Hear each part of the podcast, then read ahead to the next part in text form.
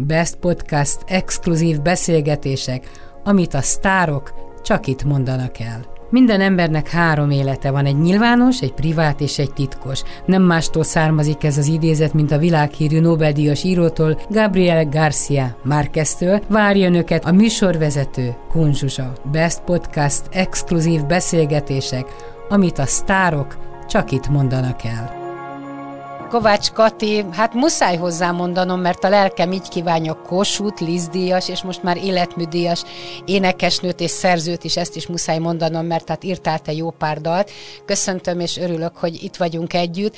Ez az életműdíj azért ez megkoronázása az elmúlt 50 évnek, vagy van ez egy picivel több is már? Talán 55-öt mondhatunk, mert 65 óta. Ki mit tud? Akkor Ki mit pont... tud? Fesztivál így indult egymás után. 20 és 21 évesen indultam a pályán. Akkor 55, tudod, eszembe jutott így a, a te életkorod meg a pályakezdésed kapcsán, meg hasonló korúak vagyunk, talán egy picivel vagyok fiatalabb, mint te, hogy én azért örülök, hogy nem most vagyok fiatal. Tehát nem volt könnyű 44-ben megszületni a háború után, felnőni és sok mindent átélni, 56-ot a történelmet, esetleg a szegénységet, de valahogy mégis összetartóbb volt a család, összetartóbb volt a, a baráti társaság.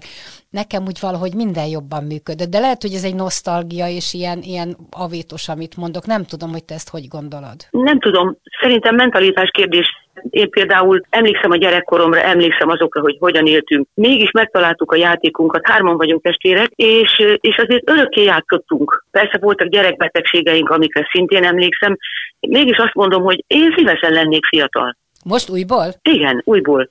És újból ugyanazt csinálnád, mint most? Valószínűleg ugyanígy énekelnék, így van. Azt tudomásul kell vennem, hogy, hogy úgy éreztem magamat mindig, mint hogyha hogy tele lennék dallal, és azt ki kell énekelni magamból magyarul. Éjjel-nappal énekeltem, hallgattam a zenét, tanultam, ilyen autodidakta módon önállóan próbáltam magamat képezni. Mindent szerettem, ami nehéz volt. Most mondok neked valamit a spirituáléktól kezdve a jazzig, a Mária Kallaszon keresztül, a Little Richardig mindenfélét énekeltem és gyakoroltam, de végül is így alakul ki az embernek a saját stílusa, de mégiscsak van egy kontroll. Mert amikor a magyar rádióban elkezdtem magyarul énekelni, akkor kiderült, hogy magyarul nagyon nehéz énekelni. Egyáltalán nem volt könnyű, úgyhogy azt újra meg kellett tanulnom. Hiába énekeltem, sok-sok dalt tudtam angolul, de magyarul az egy újféle dolog volt, és ott, és ott jobban tudtam ellenőrizni, amikor már fölvették a, a, az éneklésemet, hogy mi tetszik, mi nem tetszik. Úgyhogy az ember szerintem egész életében tanul. De hogyha ennyire énekelni akartál, akkor ez egy kínszenvedés volt, amikor te mondjuk orvosírnok voltál, tehát egy civil hivatást választottál? Nem, de hogy is. Egyébként közel jár a kettő egymáshoz, megmondom miért. Mert én ugyan nem voltam orvos, de orvosok közelében dolgoztam, és betegekkel foglalkoztunk, és igazság szerint a lélek mindenütt ott van a fizikum mellett is, és hogyha kedvesebbek voltunk a betegekkel, akkor türelmesebbek voltak, és ezt már korán megtapasztaltam, hogy a, a beteg jobban figyel, és, és jobban megnyugszik egy kedves szótól, mint hogyha ráförmednek. És ezt mindenkinek ajánlom, hogy, hogy a, aki ilyen foglalkozást választott, vagy a sors választottak erre, hogy a lélek mindig ott van a test mellett. Előfordult, hogy neked a dal vagy egy orvos segítette a lelkedet átbillenni a nehézségekből? Tulajdonképpen nem nagyon voltam beteg. Inkább azt mondhatnám, hogy felnőttebb koromban szereztem egy-két olyan betegséget, amit viszont a közönségtől kaptam. Tüdőgyulladás változata, mert ugye muszli ruhában énekelni valahol Tatán vagy Tatabáján egy olyan sorban, aminek nyitva volt az oldala, és azt hiszem január volt, természetesen megfáztam. Akkor ugyanúgy elmentem televíziózni, elmentem vidékre énekelni 40 fokos, 41 fokos lázzal, aminek a következménye szövődmény volt, az, az egy kicsit megviselt. De azt is a doktornéni volt nagyon aranyos. Ezsike doktornéni, aki azt mondta, Juhász Ezsike, hogy, hogy ezt a közönségtől nagyon könnyen meg lehet kapni egy puszival, egy beszélgetéssel, de megértenem, mondta. Úgyhogy a humora nem hagyta cselben engem sem, és nagyon hamar meggyógyított belőle, nagyon hamar. Hogy van ez, hogy te egész életedben tudtál ilyen kedves lány maradni? Tehát mindig a lélekre törekedtél, hogy legalábbis én így ismerlek téged, vagy ismertelek meg. így is érzem. Így is érzed? Így is érzem. Azt hiszem, azt hiszem, úgy nem tudom, ez biztosan túlzás. Szeretem az embereket, szeretem megoldani a problémákat, és szeretek fegyelmezett rendet látni magam körül.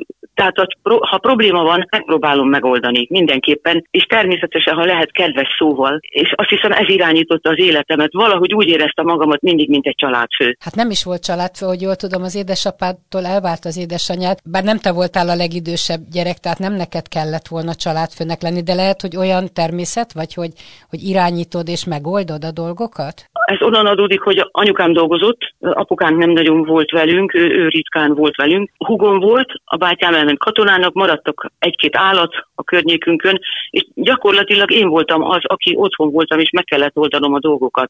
Azt hozta az élet, hogy, hogy irányítani kellett. Egyébként nem vagyok erőszakos típus, kompromisszumkész vagyok bármire. Hát egyébként szerintem nem kell erőszakkal irányítani, szép szóval, meg nem. példával, én azt gondolom. Ha szép jó a példa, igen, akkor azt követik. De és mi lett az édesapáddal? Vagy ki volt a te édesapád? Kovács? Ő volt a Kovács? Igen, ő volt a Kovács. Édesapám, ő ritkán volt velünk. Ő vezetett, várja, mindjárt mondom, teherautót vezetett, aminek az elejére ráírta, hogy Katika, szóval találkoztunk vele néha-néha, de ritkán. Ő kint volt a fronton háborúban, és erősen megsínlette lelkileg. De hát szóval, három gyereke csak lett. Az igen, de édesanyámnak jutott a nehezebbik szerep, mindig azokat az, fölnevelni. Mindig az anyáknak Igen. jut egyébként, még ha otthon vannak a férfiak, akkor is az anyák viszik a hátukon a háztartást, meg még most már dolgoznak is, tehát mindig nekik a nehezebb. Láttam ellenpéldát is itt a közelemben, mert van egy kedves ismerősünk, egy közeli, akit az anyja úgy elhagyott, és ott voltunk még a tárgyaláson a gyerek elhelyezésen, és már nem látta, közel tíz éve nem is látta a gyerekét, aki 20 éves, most fiatal 20 éves, és a bírónő nem mindig látja jól, hogy kinek kell ítélni, automatikusan az anyának ítélik, és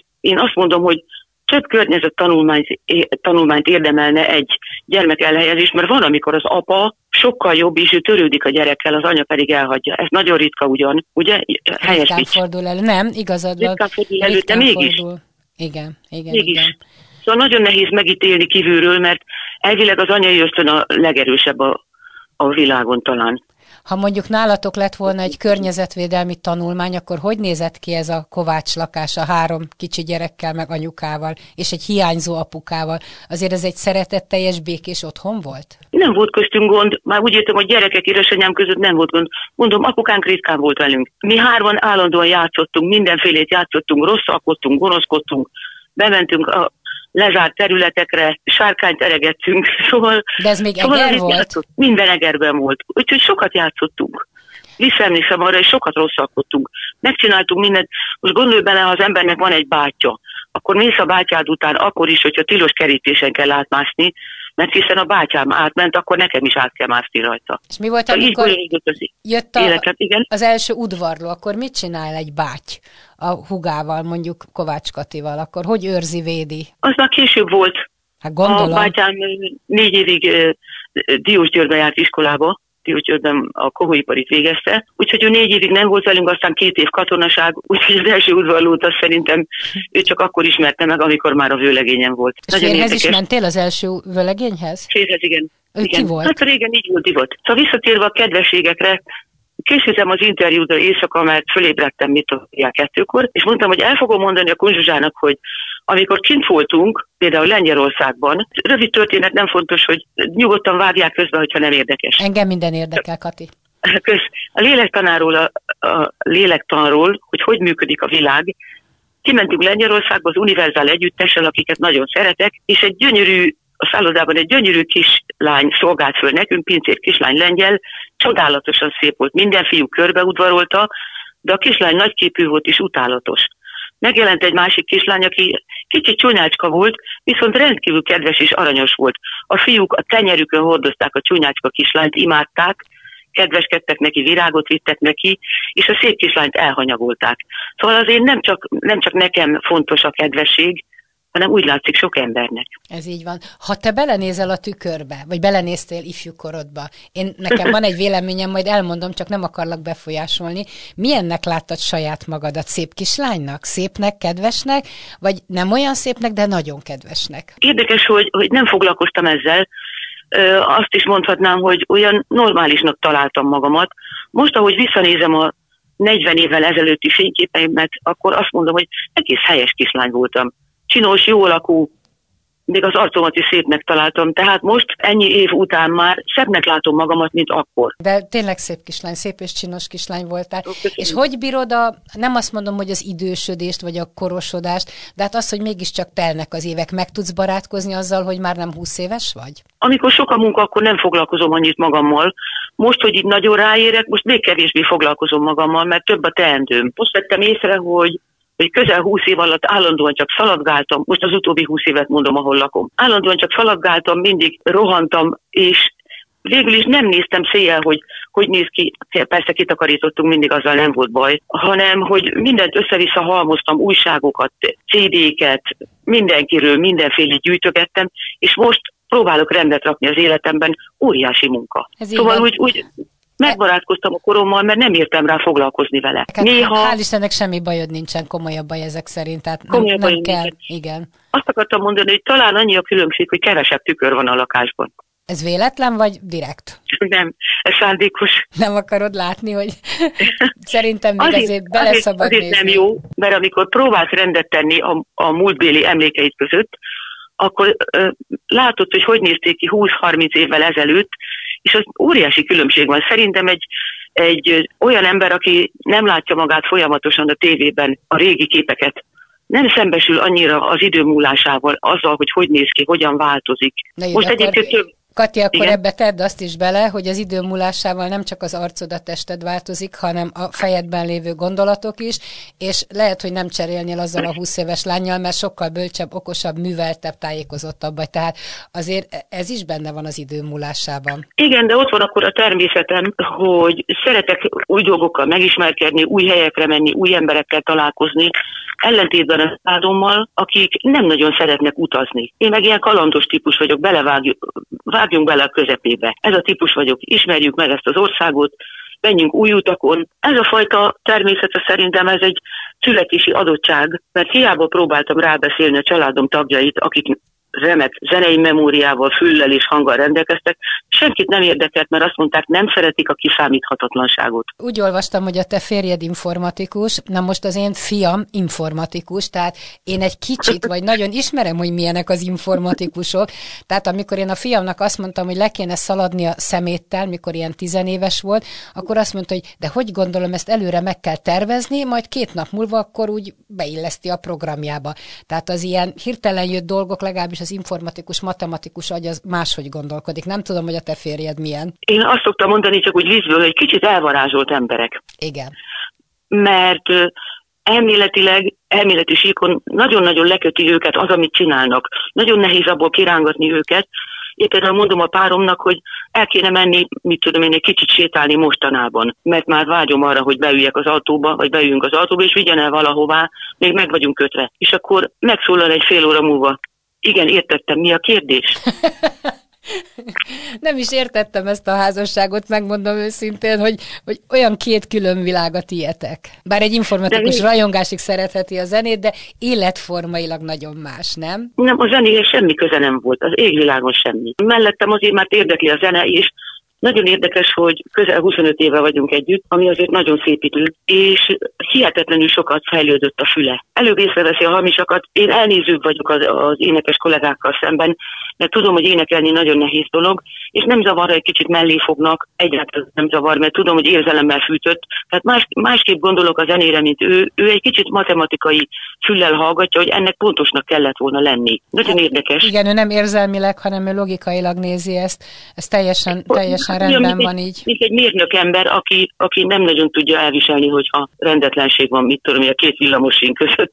És te hogy vagy a matematikával, vagy ezekkel a logikai dolgokkal? Hát én az irodalom felé fordultam inkább, mert írtam vagy 60-70 szöveget, összeszámoltuk a múltkor, és meglettem a rajongóimat, mert ők összeszámoltak 50 valahányat, én pedig összeszámoltam sokkal többet. Ja igen, ezt is írtad, azt is írtad, Szóval sokkal jobban érdekelt az irodalom. Eszembe jut Eszterházi Péter, aki matematikus, de hát elég jó író lett belőle, tehát még a kettő nem zárja ki egymást. Tehát a irodalomban is van egyfajta logika. Ó, a, a szövegírásban meg még több logika van, mert mert meséltem neked egyszer, hogy amikor még máshol laktam, ezelőtt egy 30-40 évvel, akkor abban a házban ismert, akkor ismert tehetséges költők, írók voltak, és egyszer összejöttek egy ilyen buliból, lehívtak engem, és mondták, hogy ah, te csak énekled ezeket a könnyű kis lágereket, azokban nincsen művészet, az csak úgy, úgy eléneklitek, és azok könnyű szövegek. Mondtam, jó, itt van egy zene, voltak vagy tizen mondjuk.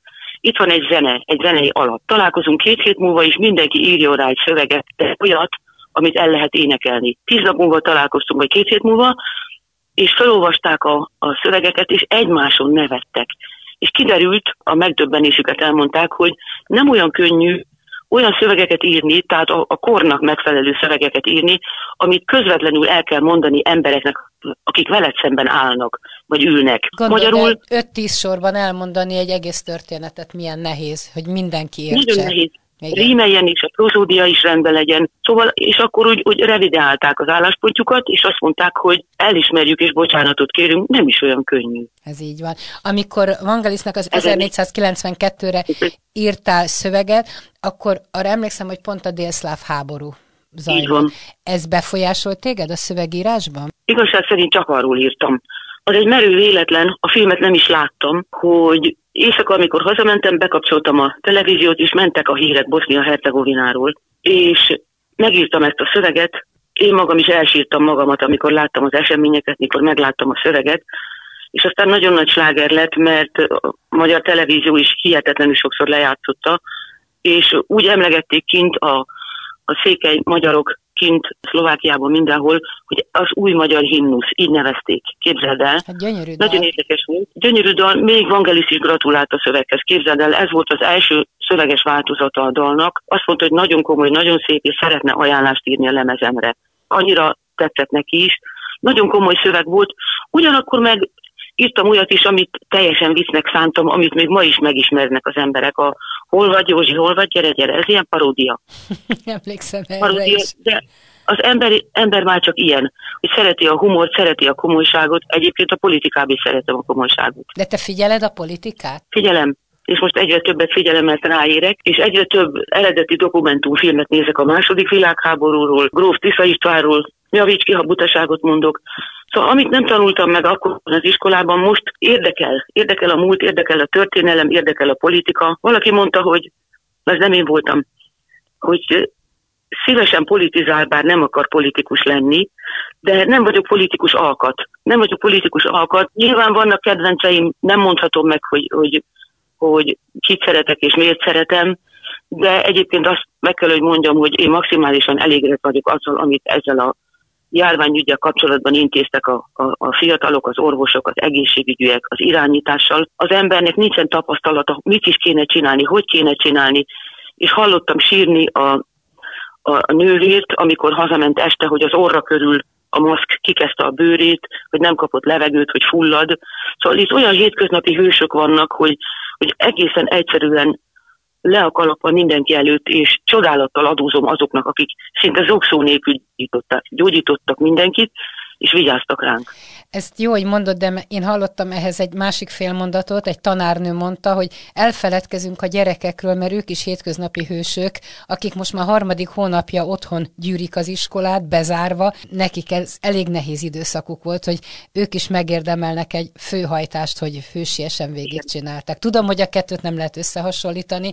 De lehet, lehet. A Kovács Kati unokahúgom, ő tanárnő. És emlékszem, amikor az elején mondta, hogy nem fogod elhinni, hogy a gyerekek milyen könnyen alkalmazkodtak a tanulásnak ehhez a módjához, és nagyon értik, és végzik is a dolgukat, egyet nem bírnak. Az, hogy a négy fal között nem mehetnek Pontosan. ki. Ez jó, Kovács Katinak hívják az unokahugadat is?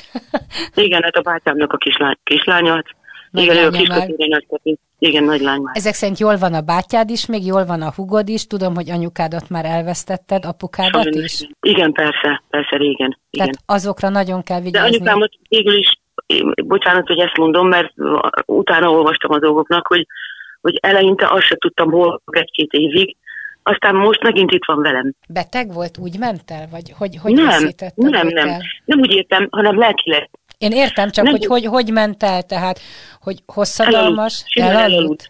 91 éves elmúlt, igen, egy pár hónappal elaludt. Hát Nagyon ennél szebbet kívánni nem lehetne egy 91 Hát évesnek. igen, igen, mindig ezt mondják. Egyébként ő nagyon érdeklődő volt, és én nagyon hasonlítok rá.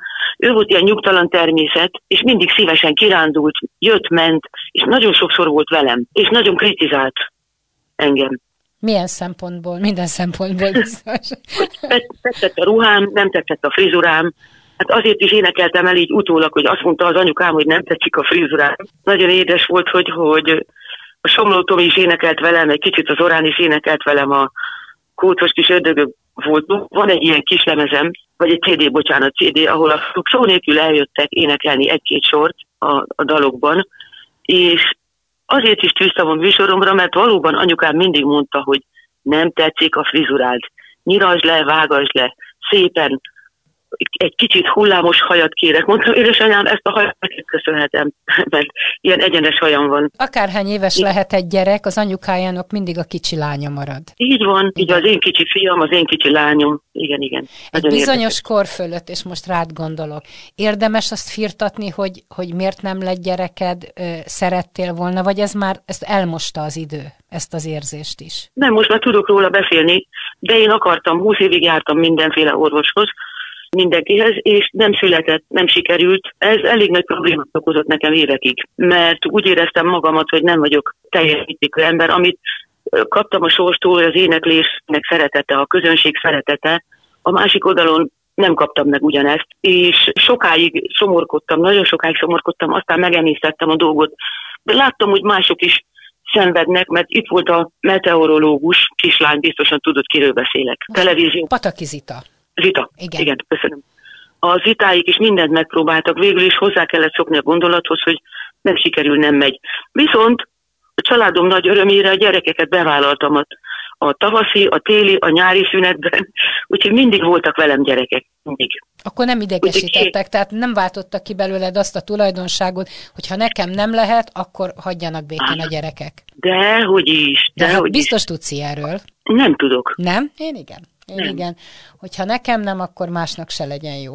Igen, tehát van egy Nem, ilyen... nem, nem, én nem ilyen vagyok. Meg azt akartam mondani, hogy a családtagjaim mondták, a szülők, az eredeti szülők, mert én szülőnek tekintettem magamat, hiszen ha hónapokig velem van egy gyerek, hónapokon át, akkor nekem ugyanúgy kell vele törődni, foglalkozni, és sokkal jobban féltem a gyerekeket, túlaggódom a, a dolgokat, és a családtagjaim mondták, hogy könnyű neked jóba lenni a gyerekekkel, a gyerekeknek meg veled jóba lenni, mert elkényezteted őket, mondom, persze, hát ez a dolgom a nyári szünetekben, és tudod, miért szerettek téged a gyerekek? Miért?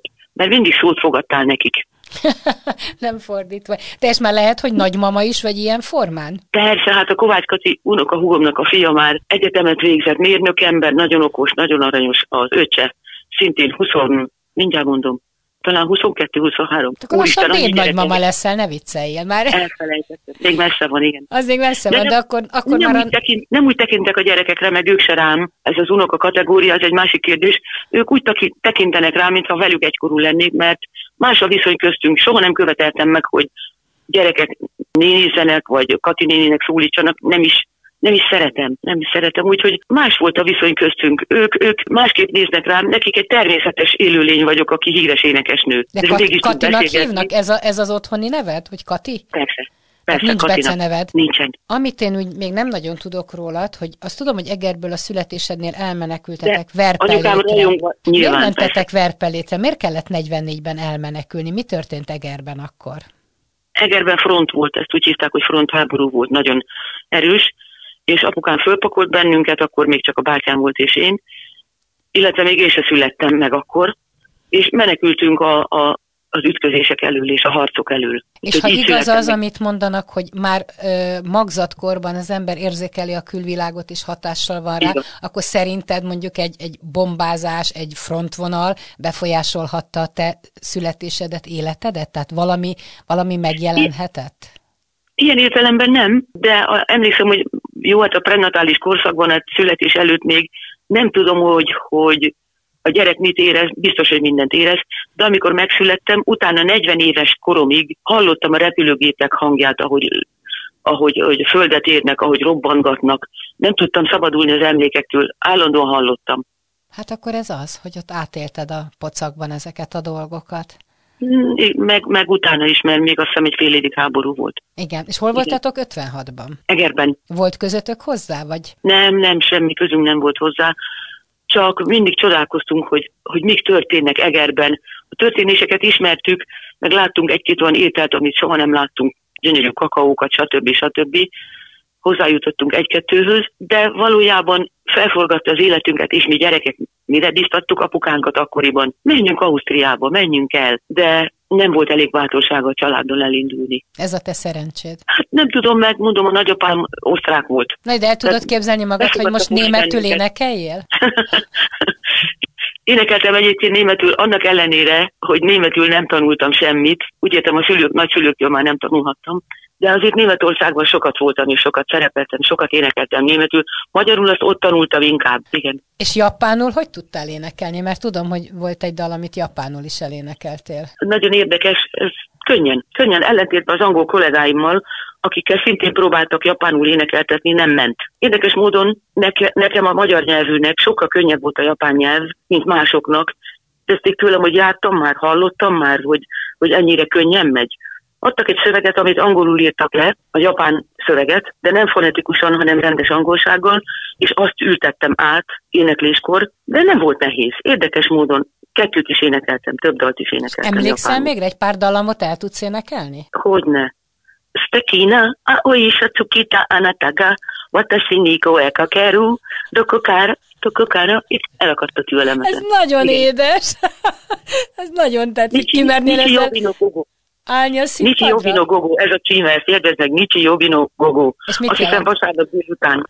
Talán vasárnap délután. Ez nagyon-nagyon jó. Na, nagy sikered lenne ezt egyszer elénekelni egy színpadon. Igen, szoktam. És gondolom régebben, tetszik is. Régebben énekelgettem egy kicsit. Sőt, még a versenydalomat is tudtam japánul. A van jó minden rosszban, ezt a Konstibi és a Dusán írták, és van jó minden rosszban úgy hangzott, hogy Anu, Akarui, Ikariga, Játekuru, Sono, Muko Oni, Kibo Oga, Tsuzuku Nosa. Ez nagyon szép, nagyon jó, nagyon-nagyon tetszik nekem. Lerpistiről akarok tőled kérdezni, hogy, hogy az ne ős... kérdezzél. Ne kérdezzek? Ne kérdezzél. Nagyon fáj, ne kérdezzél. Igen, a... nagyon szomorú vagyok, hogy, hogy ilyen állapotban van. Igen. Azt akartam ezzel kapcsolatban, és mondjuk akkor a, a saját életeddel, a, a gyerektelenséggel kapcsolatban, a kettőt most összekapcsolom, hogy hiszel abban, hogy az embernek van egy sorsa? Hogy ezek nem véletlenül történnek? Hát, ha arra gondolsz, hogy fatalista vagyok-e? Pontosan. Én azt hiszem, hogy hát innen ered tulajdonképpen néhány emberbe megfordul az a deja vu gondolat, hogy már átéltem ezt, már, ezt már tudom ezt a dolgot. Azért ne feledkezzünk arról sem el, hogy, hogy nagyon kevés dologba tudunk beleszólni. Abba bele tudok szólni, hogy ma sokat eszem, keveset, vagy mit eszem, de végül is a programot azt nem én találtam ki a szervezetembe, hogy, hogy milyen fizikumom legyen, hogy sovány vagyok-e, vagy közepes, vagy magas, vagy kicsi, tehát meg van határozva a sorsunk, de ez inkább a, a gének kérdése. És tudod, szokták mondani, hogy van egy ilyen milyen tudat is, kollektív tudat, ami azt jelenti, hogy valamit átörököltél már az ős-ős szülőktől, vagy olyan élményeid voltak, amik meghatározzák az életedet, és emlékszem néha rájuk. Én például mindig nevettek a kollégáim rajtam, amikor kikerültünk az István a király című darabbal Spanyolországba, és megláttam egy templomot valahol Barcelonában, téren egy hófehér templomot, amit mindig álmodtam, és mindig álmodtam, képzeld el, egy téren egy hófehér templom és üres követett rész előtte, és azt mondtam, hogy én itt jártam, erről szoktam álmodni. És akkor nevettek, hogy hát hogy mondhatsz ilyet. Gondolom, akik ezzel foglalkoznak komolyabban, meg tudnák fejteni, hogy miért álmodtam konzekvensen, következetesen álmodtam, és láttam azt a teret. Soha nem voltál hát, jósnál, asztrológusnál, nem voltál nem, kíváncsi a sorsodra? Nem, hát, hát inkább a szakembereket kérdeznék, akik genetikával foglalkoznak, hogy, hogy a, a jóslás meg ilyesmiben így nem nagyon hiszek és nem nagyon bízom. Jóslás és ilyesmiket elkerülök, hogy ne befolyásoljanak, mert attól tartok, hogy meghatároznák a, a következő sorsomat. Egyébként életem legdrámai könyvét sokat olvastam gyerekkoromban. Körülbelül 14 éves lehettem, amikor elolvastam, és arról szólt, hogy az emberek megtudták a jövőjüket. És valami elképesztő módon elkezdtek harcolni egymás ellen az emberek, azért, hogy, hogy, hogy meg, megváltoztathassák a sorsukat. Ez persze nem ment, mert végül mindenki pontosan ugyanúgy végezte, ahogy a könyvben meg volt írva, de megismerték a sorsukat, a jövőjüket. Jobb, hogy nem ismerjük a jövőt. Azt mondjuk Sokkal tudod, jobb. hogy jövő héten mi lesz veled? Mit fogsz csinálni? Tehát egy hétre előre azért látod a sorsodat biztos. Hát, szerintem a jövő héten már könnyebb lesz, mert úgy látom, hogy közeledik az a nap, amikor mehetek énekelni. Megvan a Mehetek programod is? találkoztatunk embereket. Tessék? Megvan a, a koncertprogram, vagy a fellépésed programja, hogy hogy jön majd egymás után? Vagy mit fogsz énekelni? Nem tudom, hogy, nem tudom, hogy mikor be vannak írva még előadások, de nem tudjuk, hogy mikor mondják le, mert olyanokat hallunk mostanában, hogy az időpont még csak jó lenne, de már elköltöttük a pénzt, mondja, mondja a rendezőszerv és a, és a, a helység, a falu, város, stb. Biztosan gondolom ez a koronavírus ez közrejátszott. Nem tudom, hogy mikor élhetjük a régi életünket, ez egy másikféle élet. Ez nekem tökéletesen ismeretlen, amiben most élek, ahogy most élek, és ha azt mondod, hogy visszakívánkozom a múltba, akkor abban a múltba kívánkozom vissza, amikor nagyon sok előadás, sok előadás volt, sok emberrel találkoztunk, és szól a zene. Hát ez volt a te életed 55 éven keresztül. Szerintem nem is ismersz Igen. nagyon mást, még a teniszpályákat maximum, mert mert ez, ez, volt a, ez a kettő volt a nagy élet neked. Hát igen. Köszönöm igen, szépen. Szóval... Kati, Kovács Katinak szépen köszönöm, köszönöm gratulálok az életmű. köszönöm szépen én is. Az életműdíjad nekem nagyon szívet melenget, örülök neki. Szia, És szia. tudod, még el akartam mondani, Igen? hogy hogy ami nagyon érdekes volt az életemben, hogy nagyon sokat dolgoztam a Magyar Rádiónak. És egyetlen egy díj, amit soha nem kaptam meg, részt vettem már gála ünnepségen, énekeltem a díjazottaknak, úgy hívják, hogy Emerton díj. Igen. A Magyar Rádiónak a, a díját soha nem kaptam meg. Szerintem elfeledkeztek róla, mert emlékszel, Hofikós Kovács express zenekarral, különböző zenekarokkal rengeteget dolgoztunk a Magyar Rádiónak. Éjjel-nappal élő előadások Demjén Feriékkel, a V-motorokkal, V73-mal, bocsánat, és, és mégis valahogy ott maradt, azt is mondhatnám, hogy, hogy azon tudok derülni, hogy ezt a díjat soha nem kaptam meg. Nem baj, kaptál nem. életműdíjat, de hogy így mondtad a névsort, akkor még Igen. egy búcsú gondolat eszembe jut, hogy az idő múlását talán az jelzi, hogy Hofi Kós, Szenes Ivánt is mondtad, hogy hol vannak ezek Igen. a játszópajtásaid már, vagy társaid, barátaid? Hát ez jelzi itt vannak azt, velem. itt vannak velem. Itt vannak velem. Igen, itt vannak velem. Most, ahogy így, így rendezgetem az életemet, nézem a, a videókat, nézem, hallgatom a CD-ket, stb. Így nagyon-nagyon sok emlék jut. És tulajdonképpen az embernek a memóriája, az emlékezete az csodálatos dolog. Ilyenkor, ilyenkor eszembe jutnak a huncutkodások, a színpadi munka, privát viselkedésünk, a Balaton körül három hónapig voltunk, privát események, magánéletünk. Szóval végül is azt hiszem szépen mondhatom, hogy, hogy nem hagytak el sohasem, itt vannak velem. Kovács Kati, köszönöm szépen, és még egyszer gratulálok az életműdíjhoz. Szia, szia! Köszönöm szépen, neked is minden jót kívánok! Köszönöm szépen! Best Podcast exkluzív beszélgetések, amit a sztárok csak itt mondanak el. Minden embernek három élete van, egy nyilvános, egy privát és egy titkos. Nem mástól származik ez az idézet, mint a világhírű Nobel-díjas írótól, Gabriel Garcia Márqueztől. Várja önöket a műsorvezető Kunzsuzsa. Best Podcast exkluzív beszélgetések, amit a sztárok csak itt mondanak el.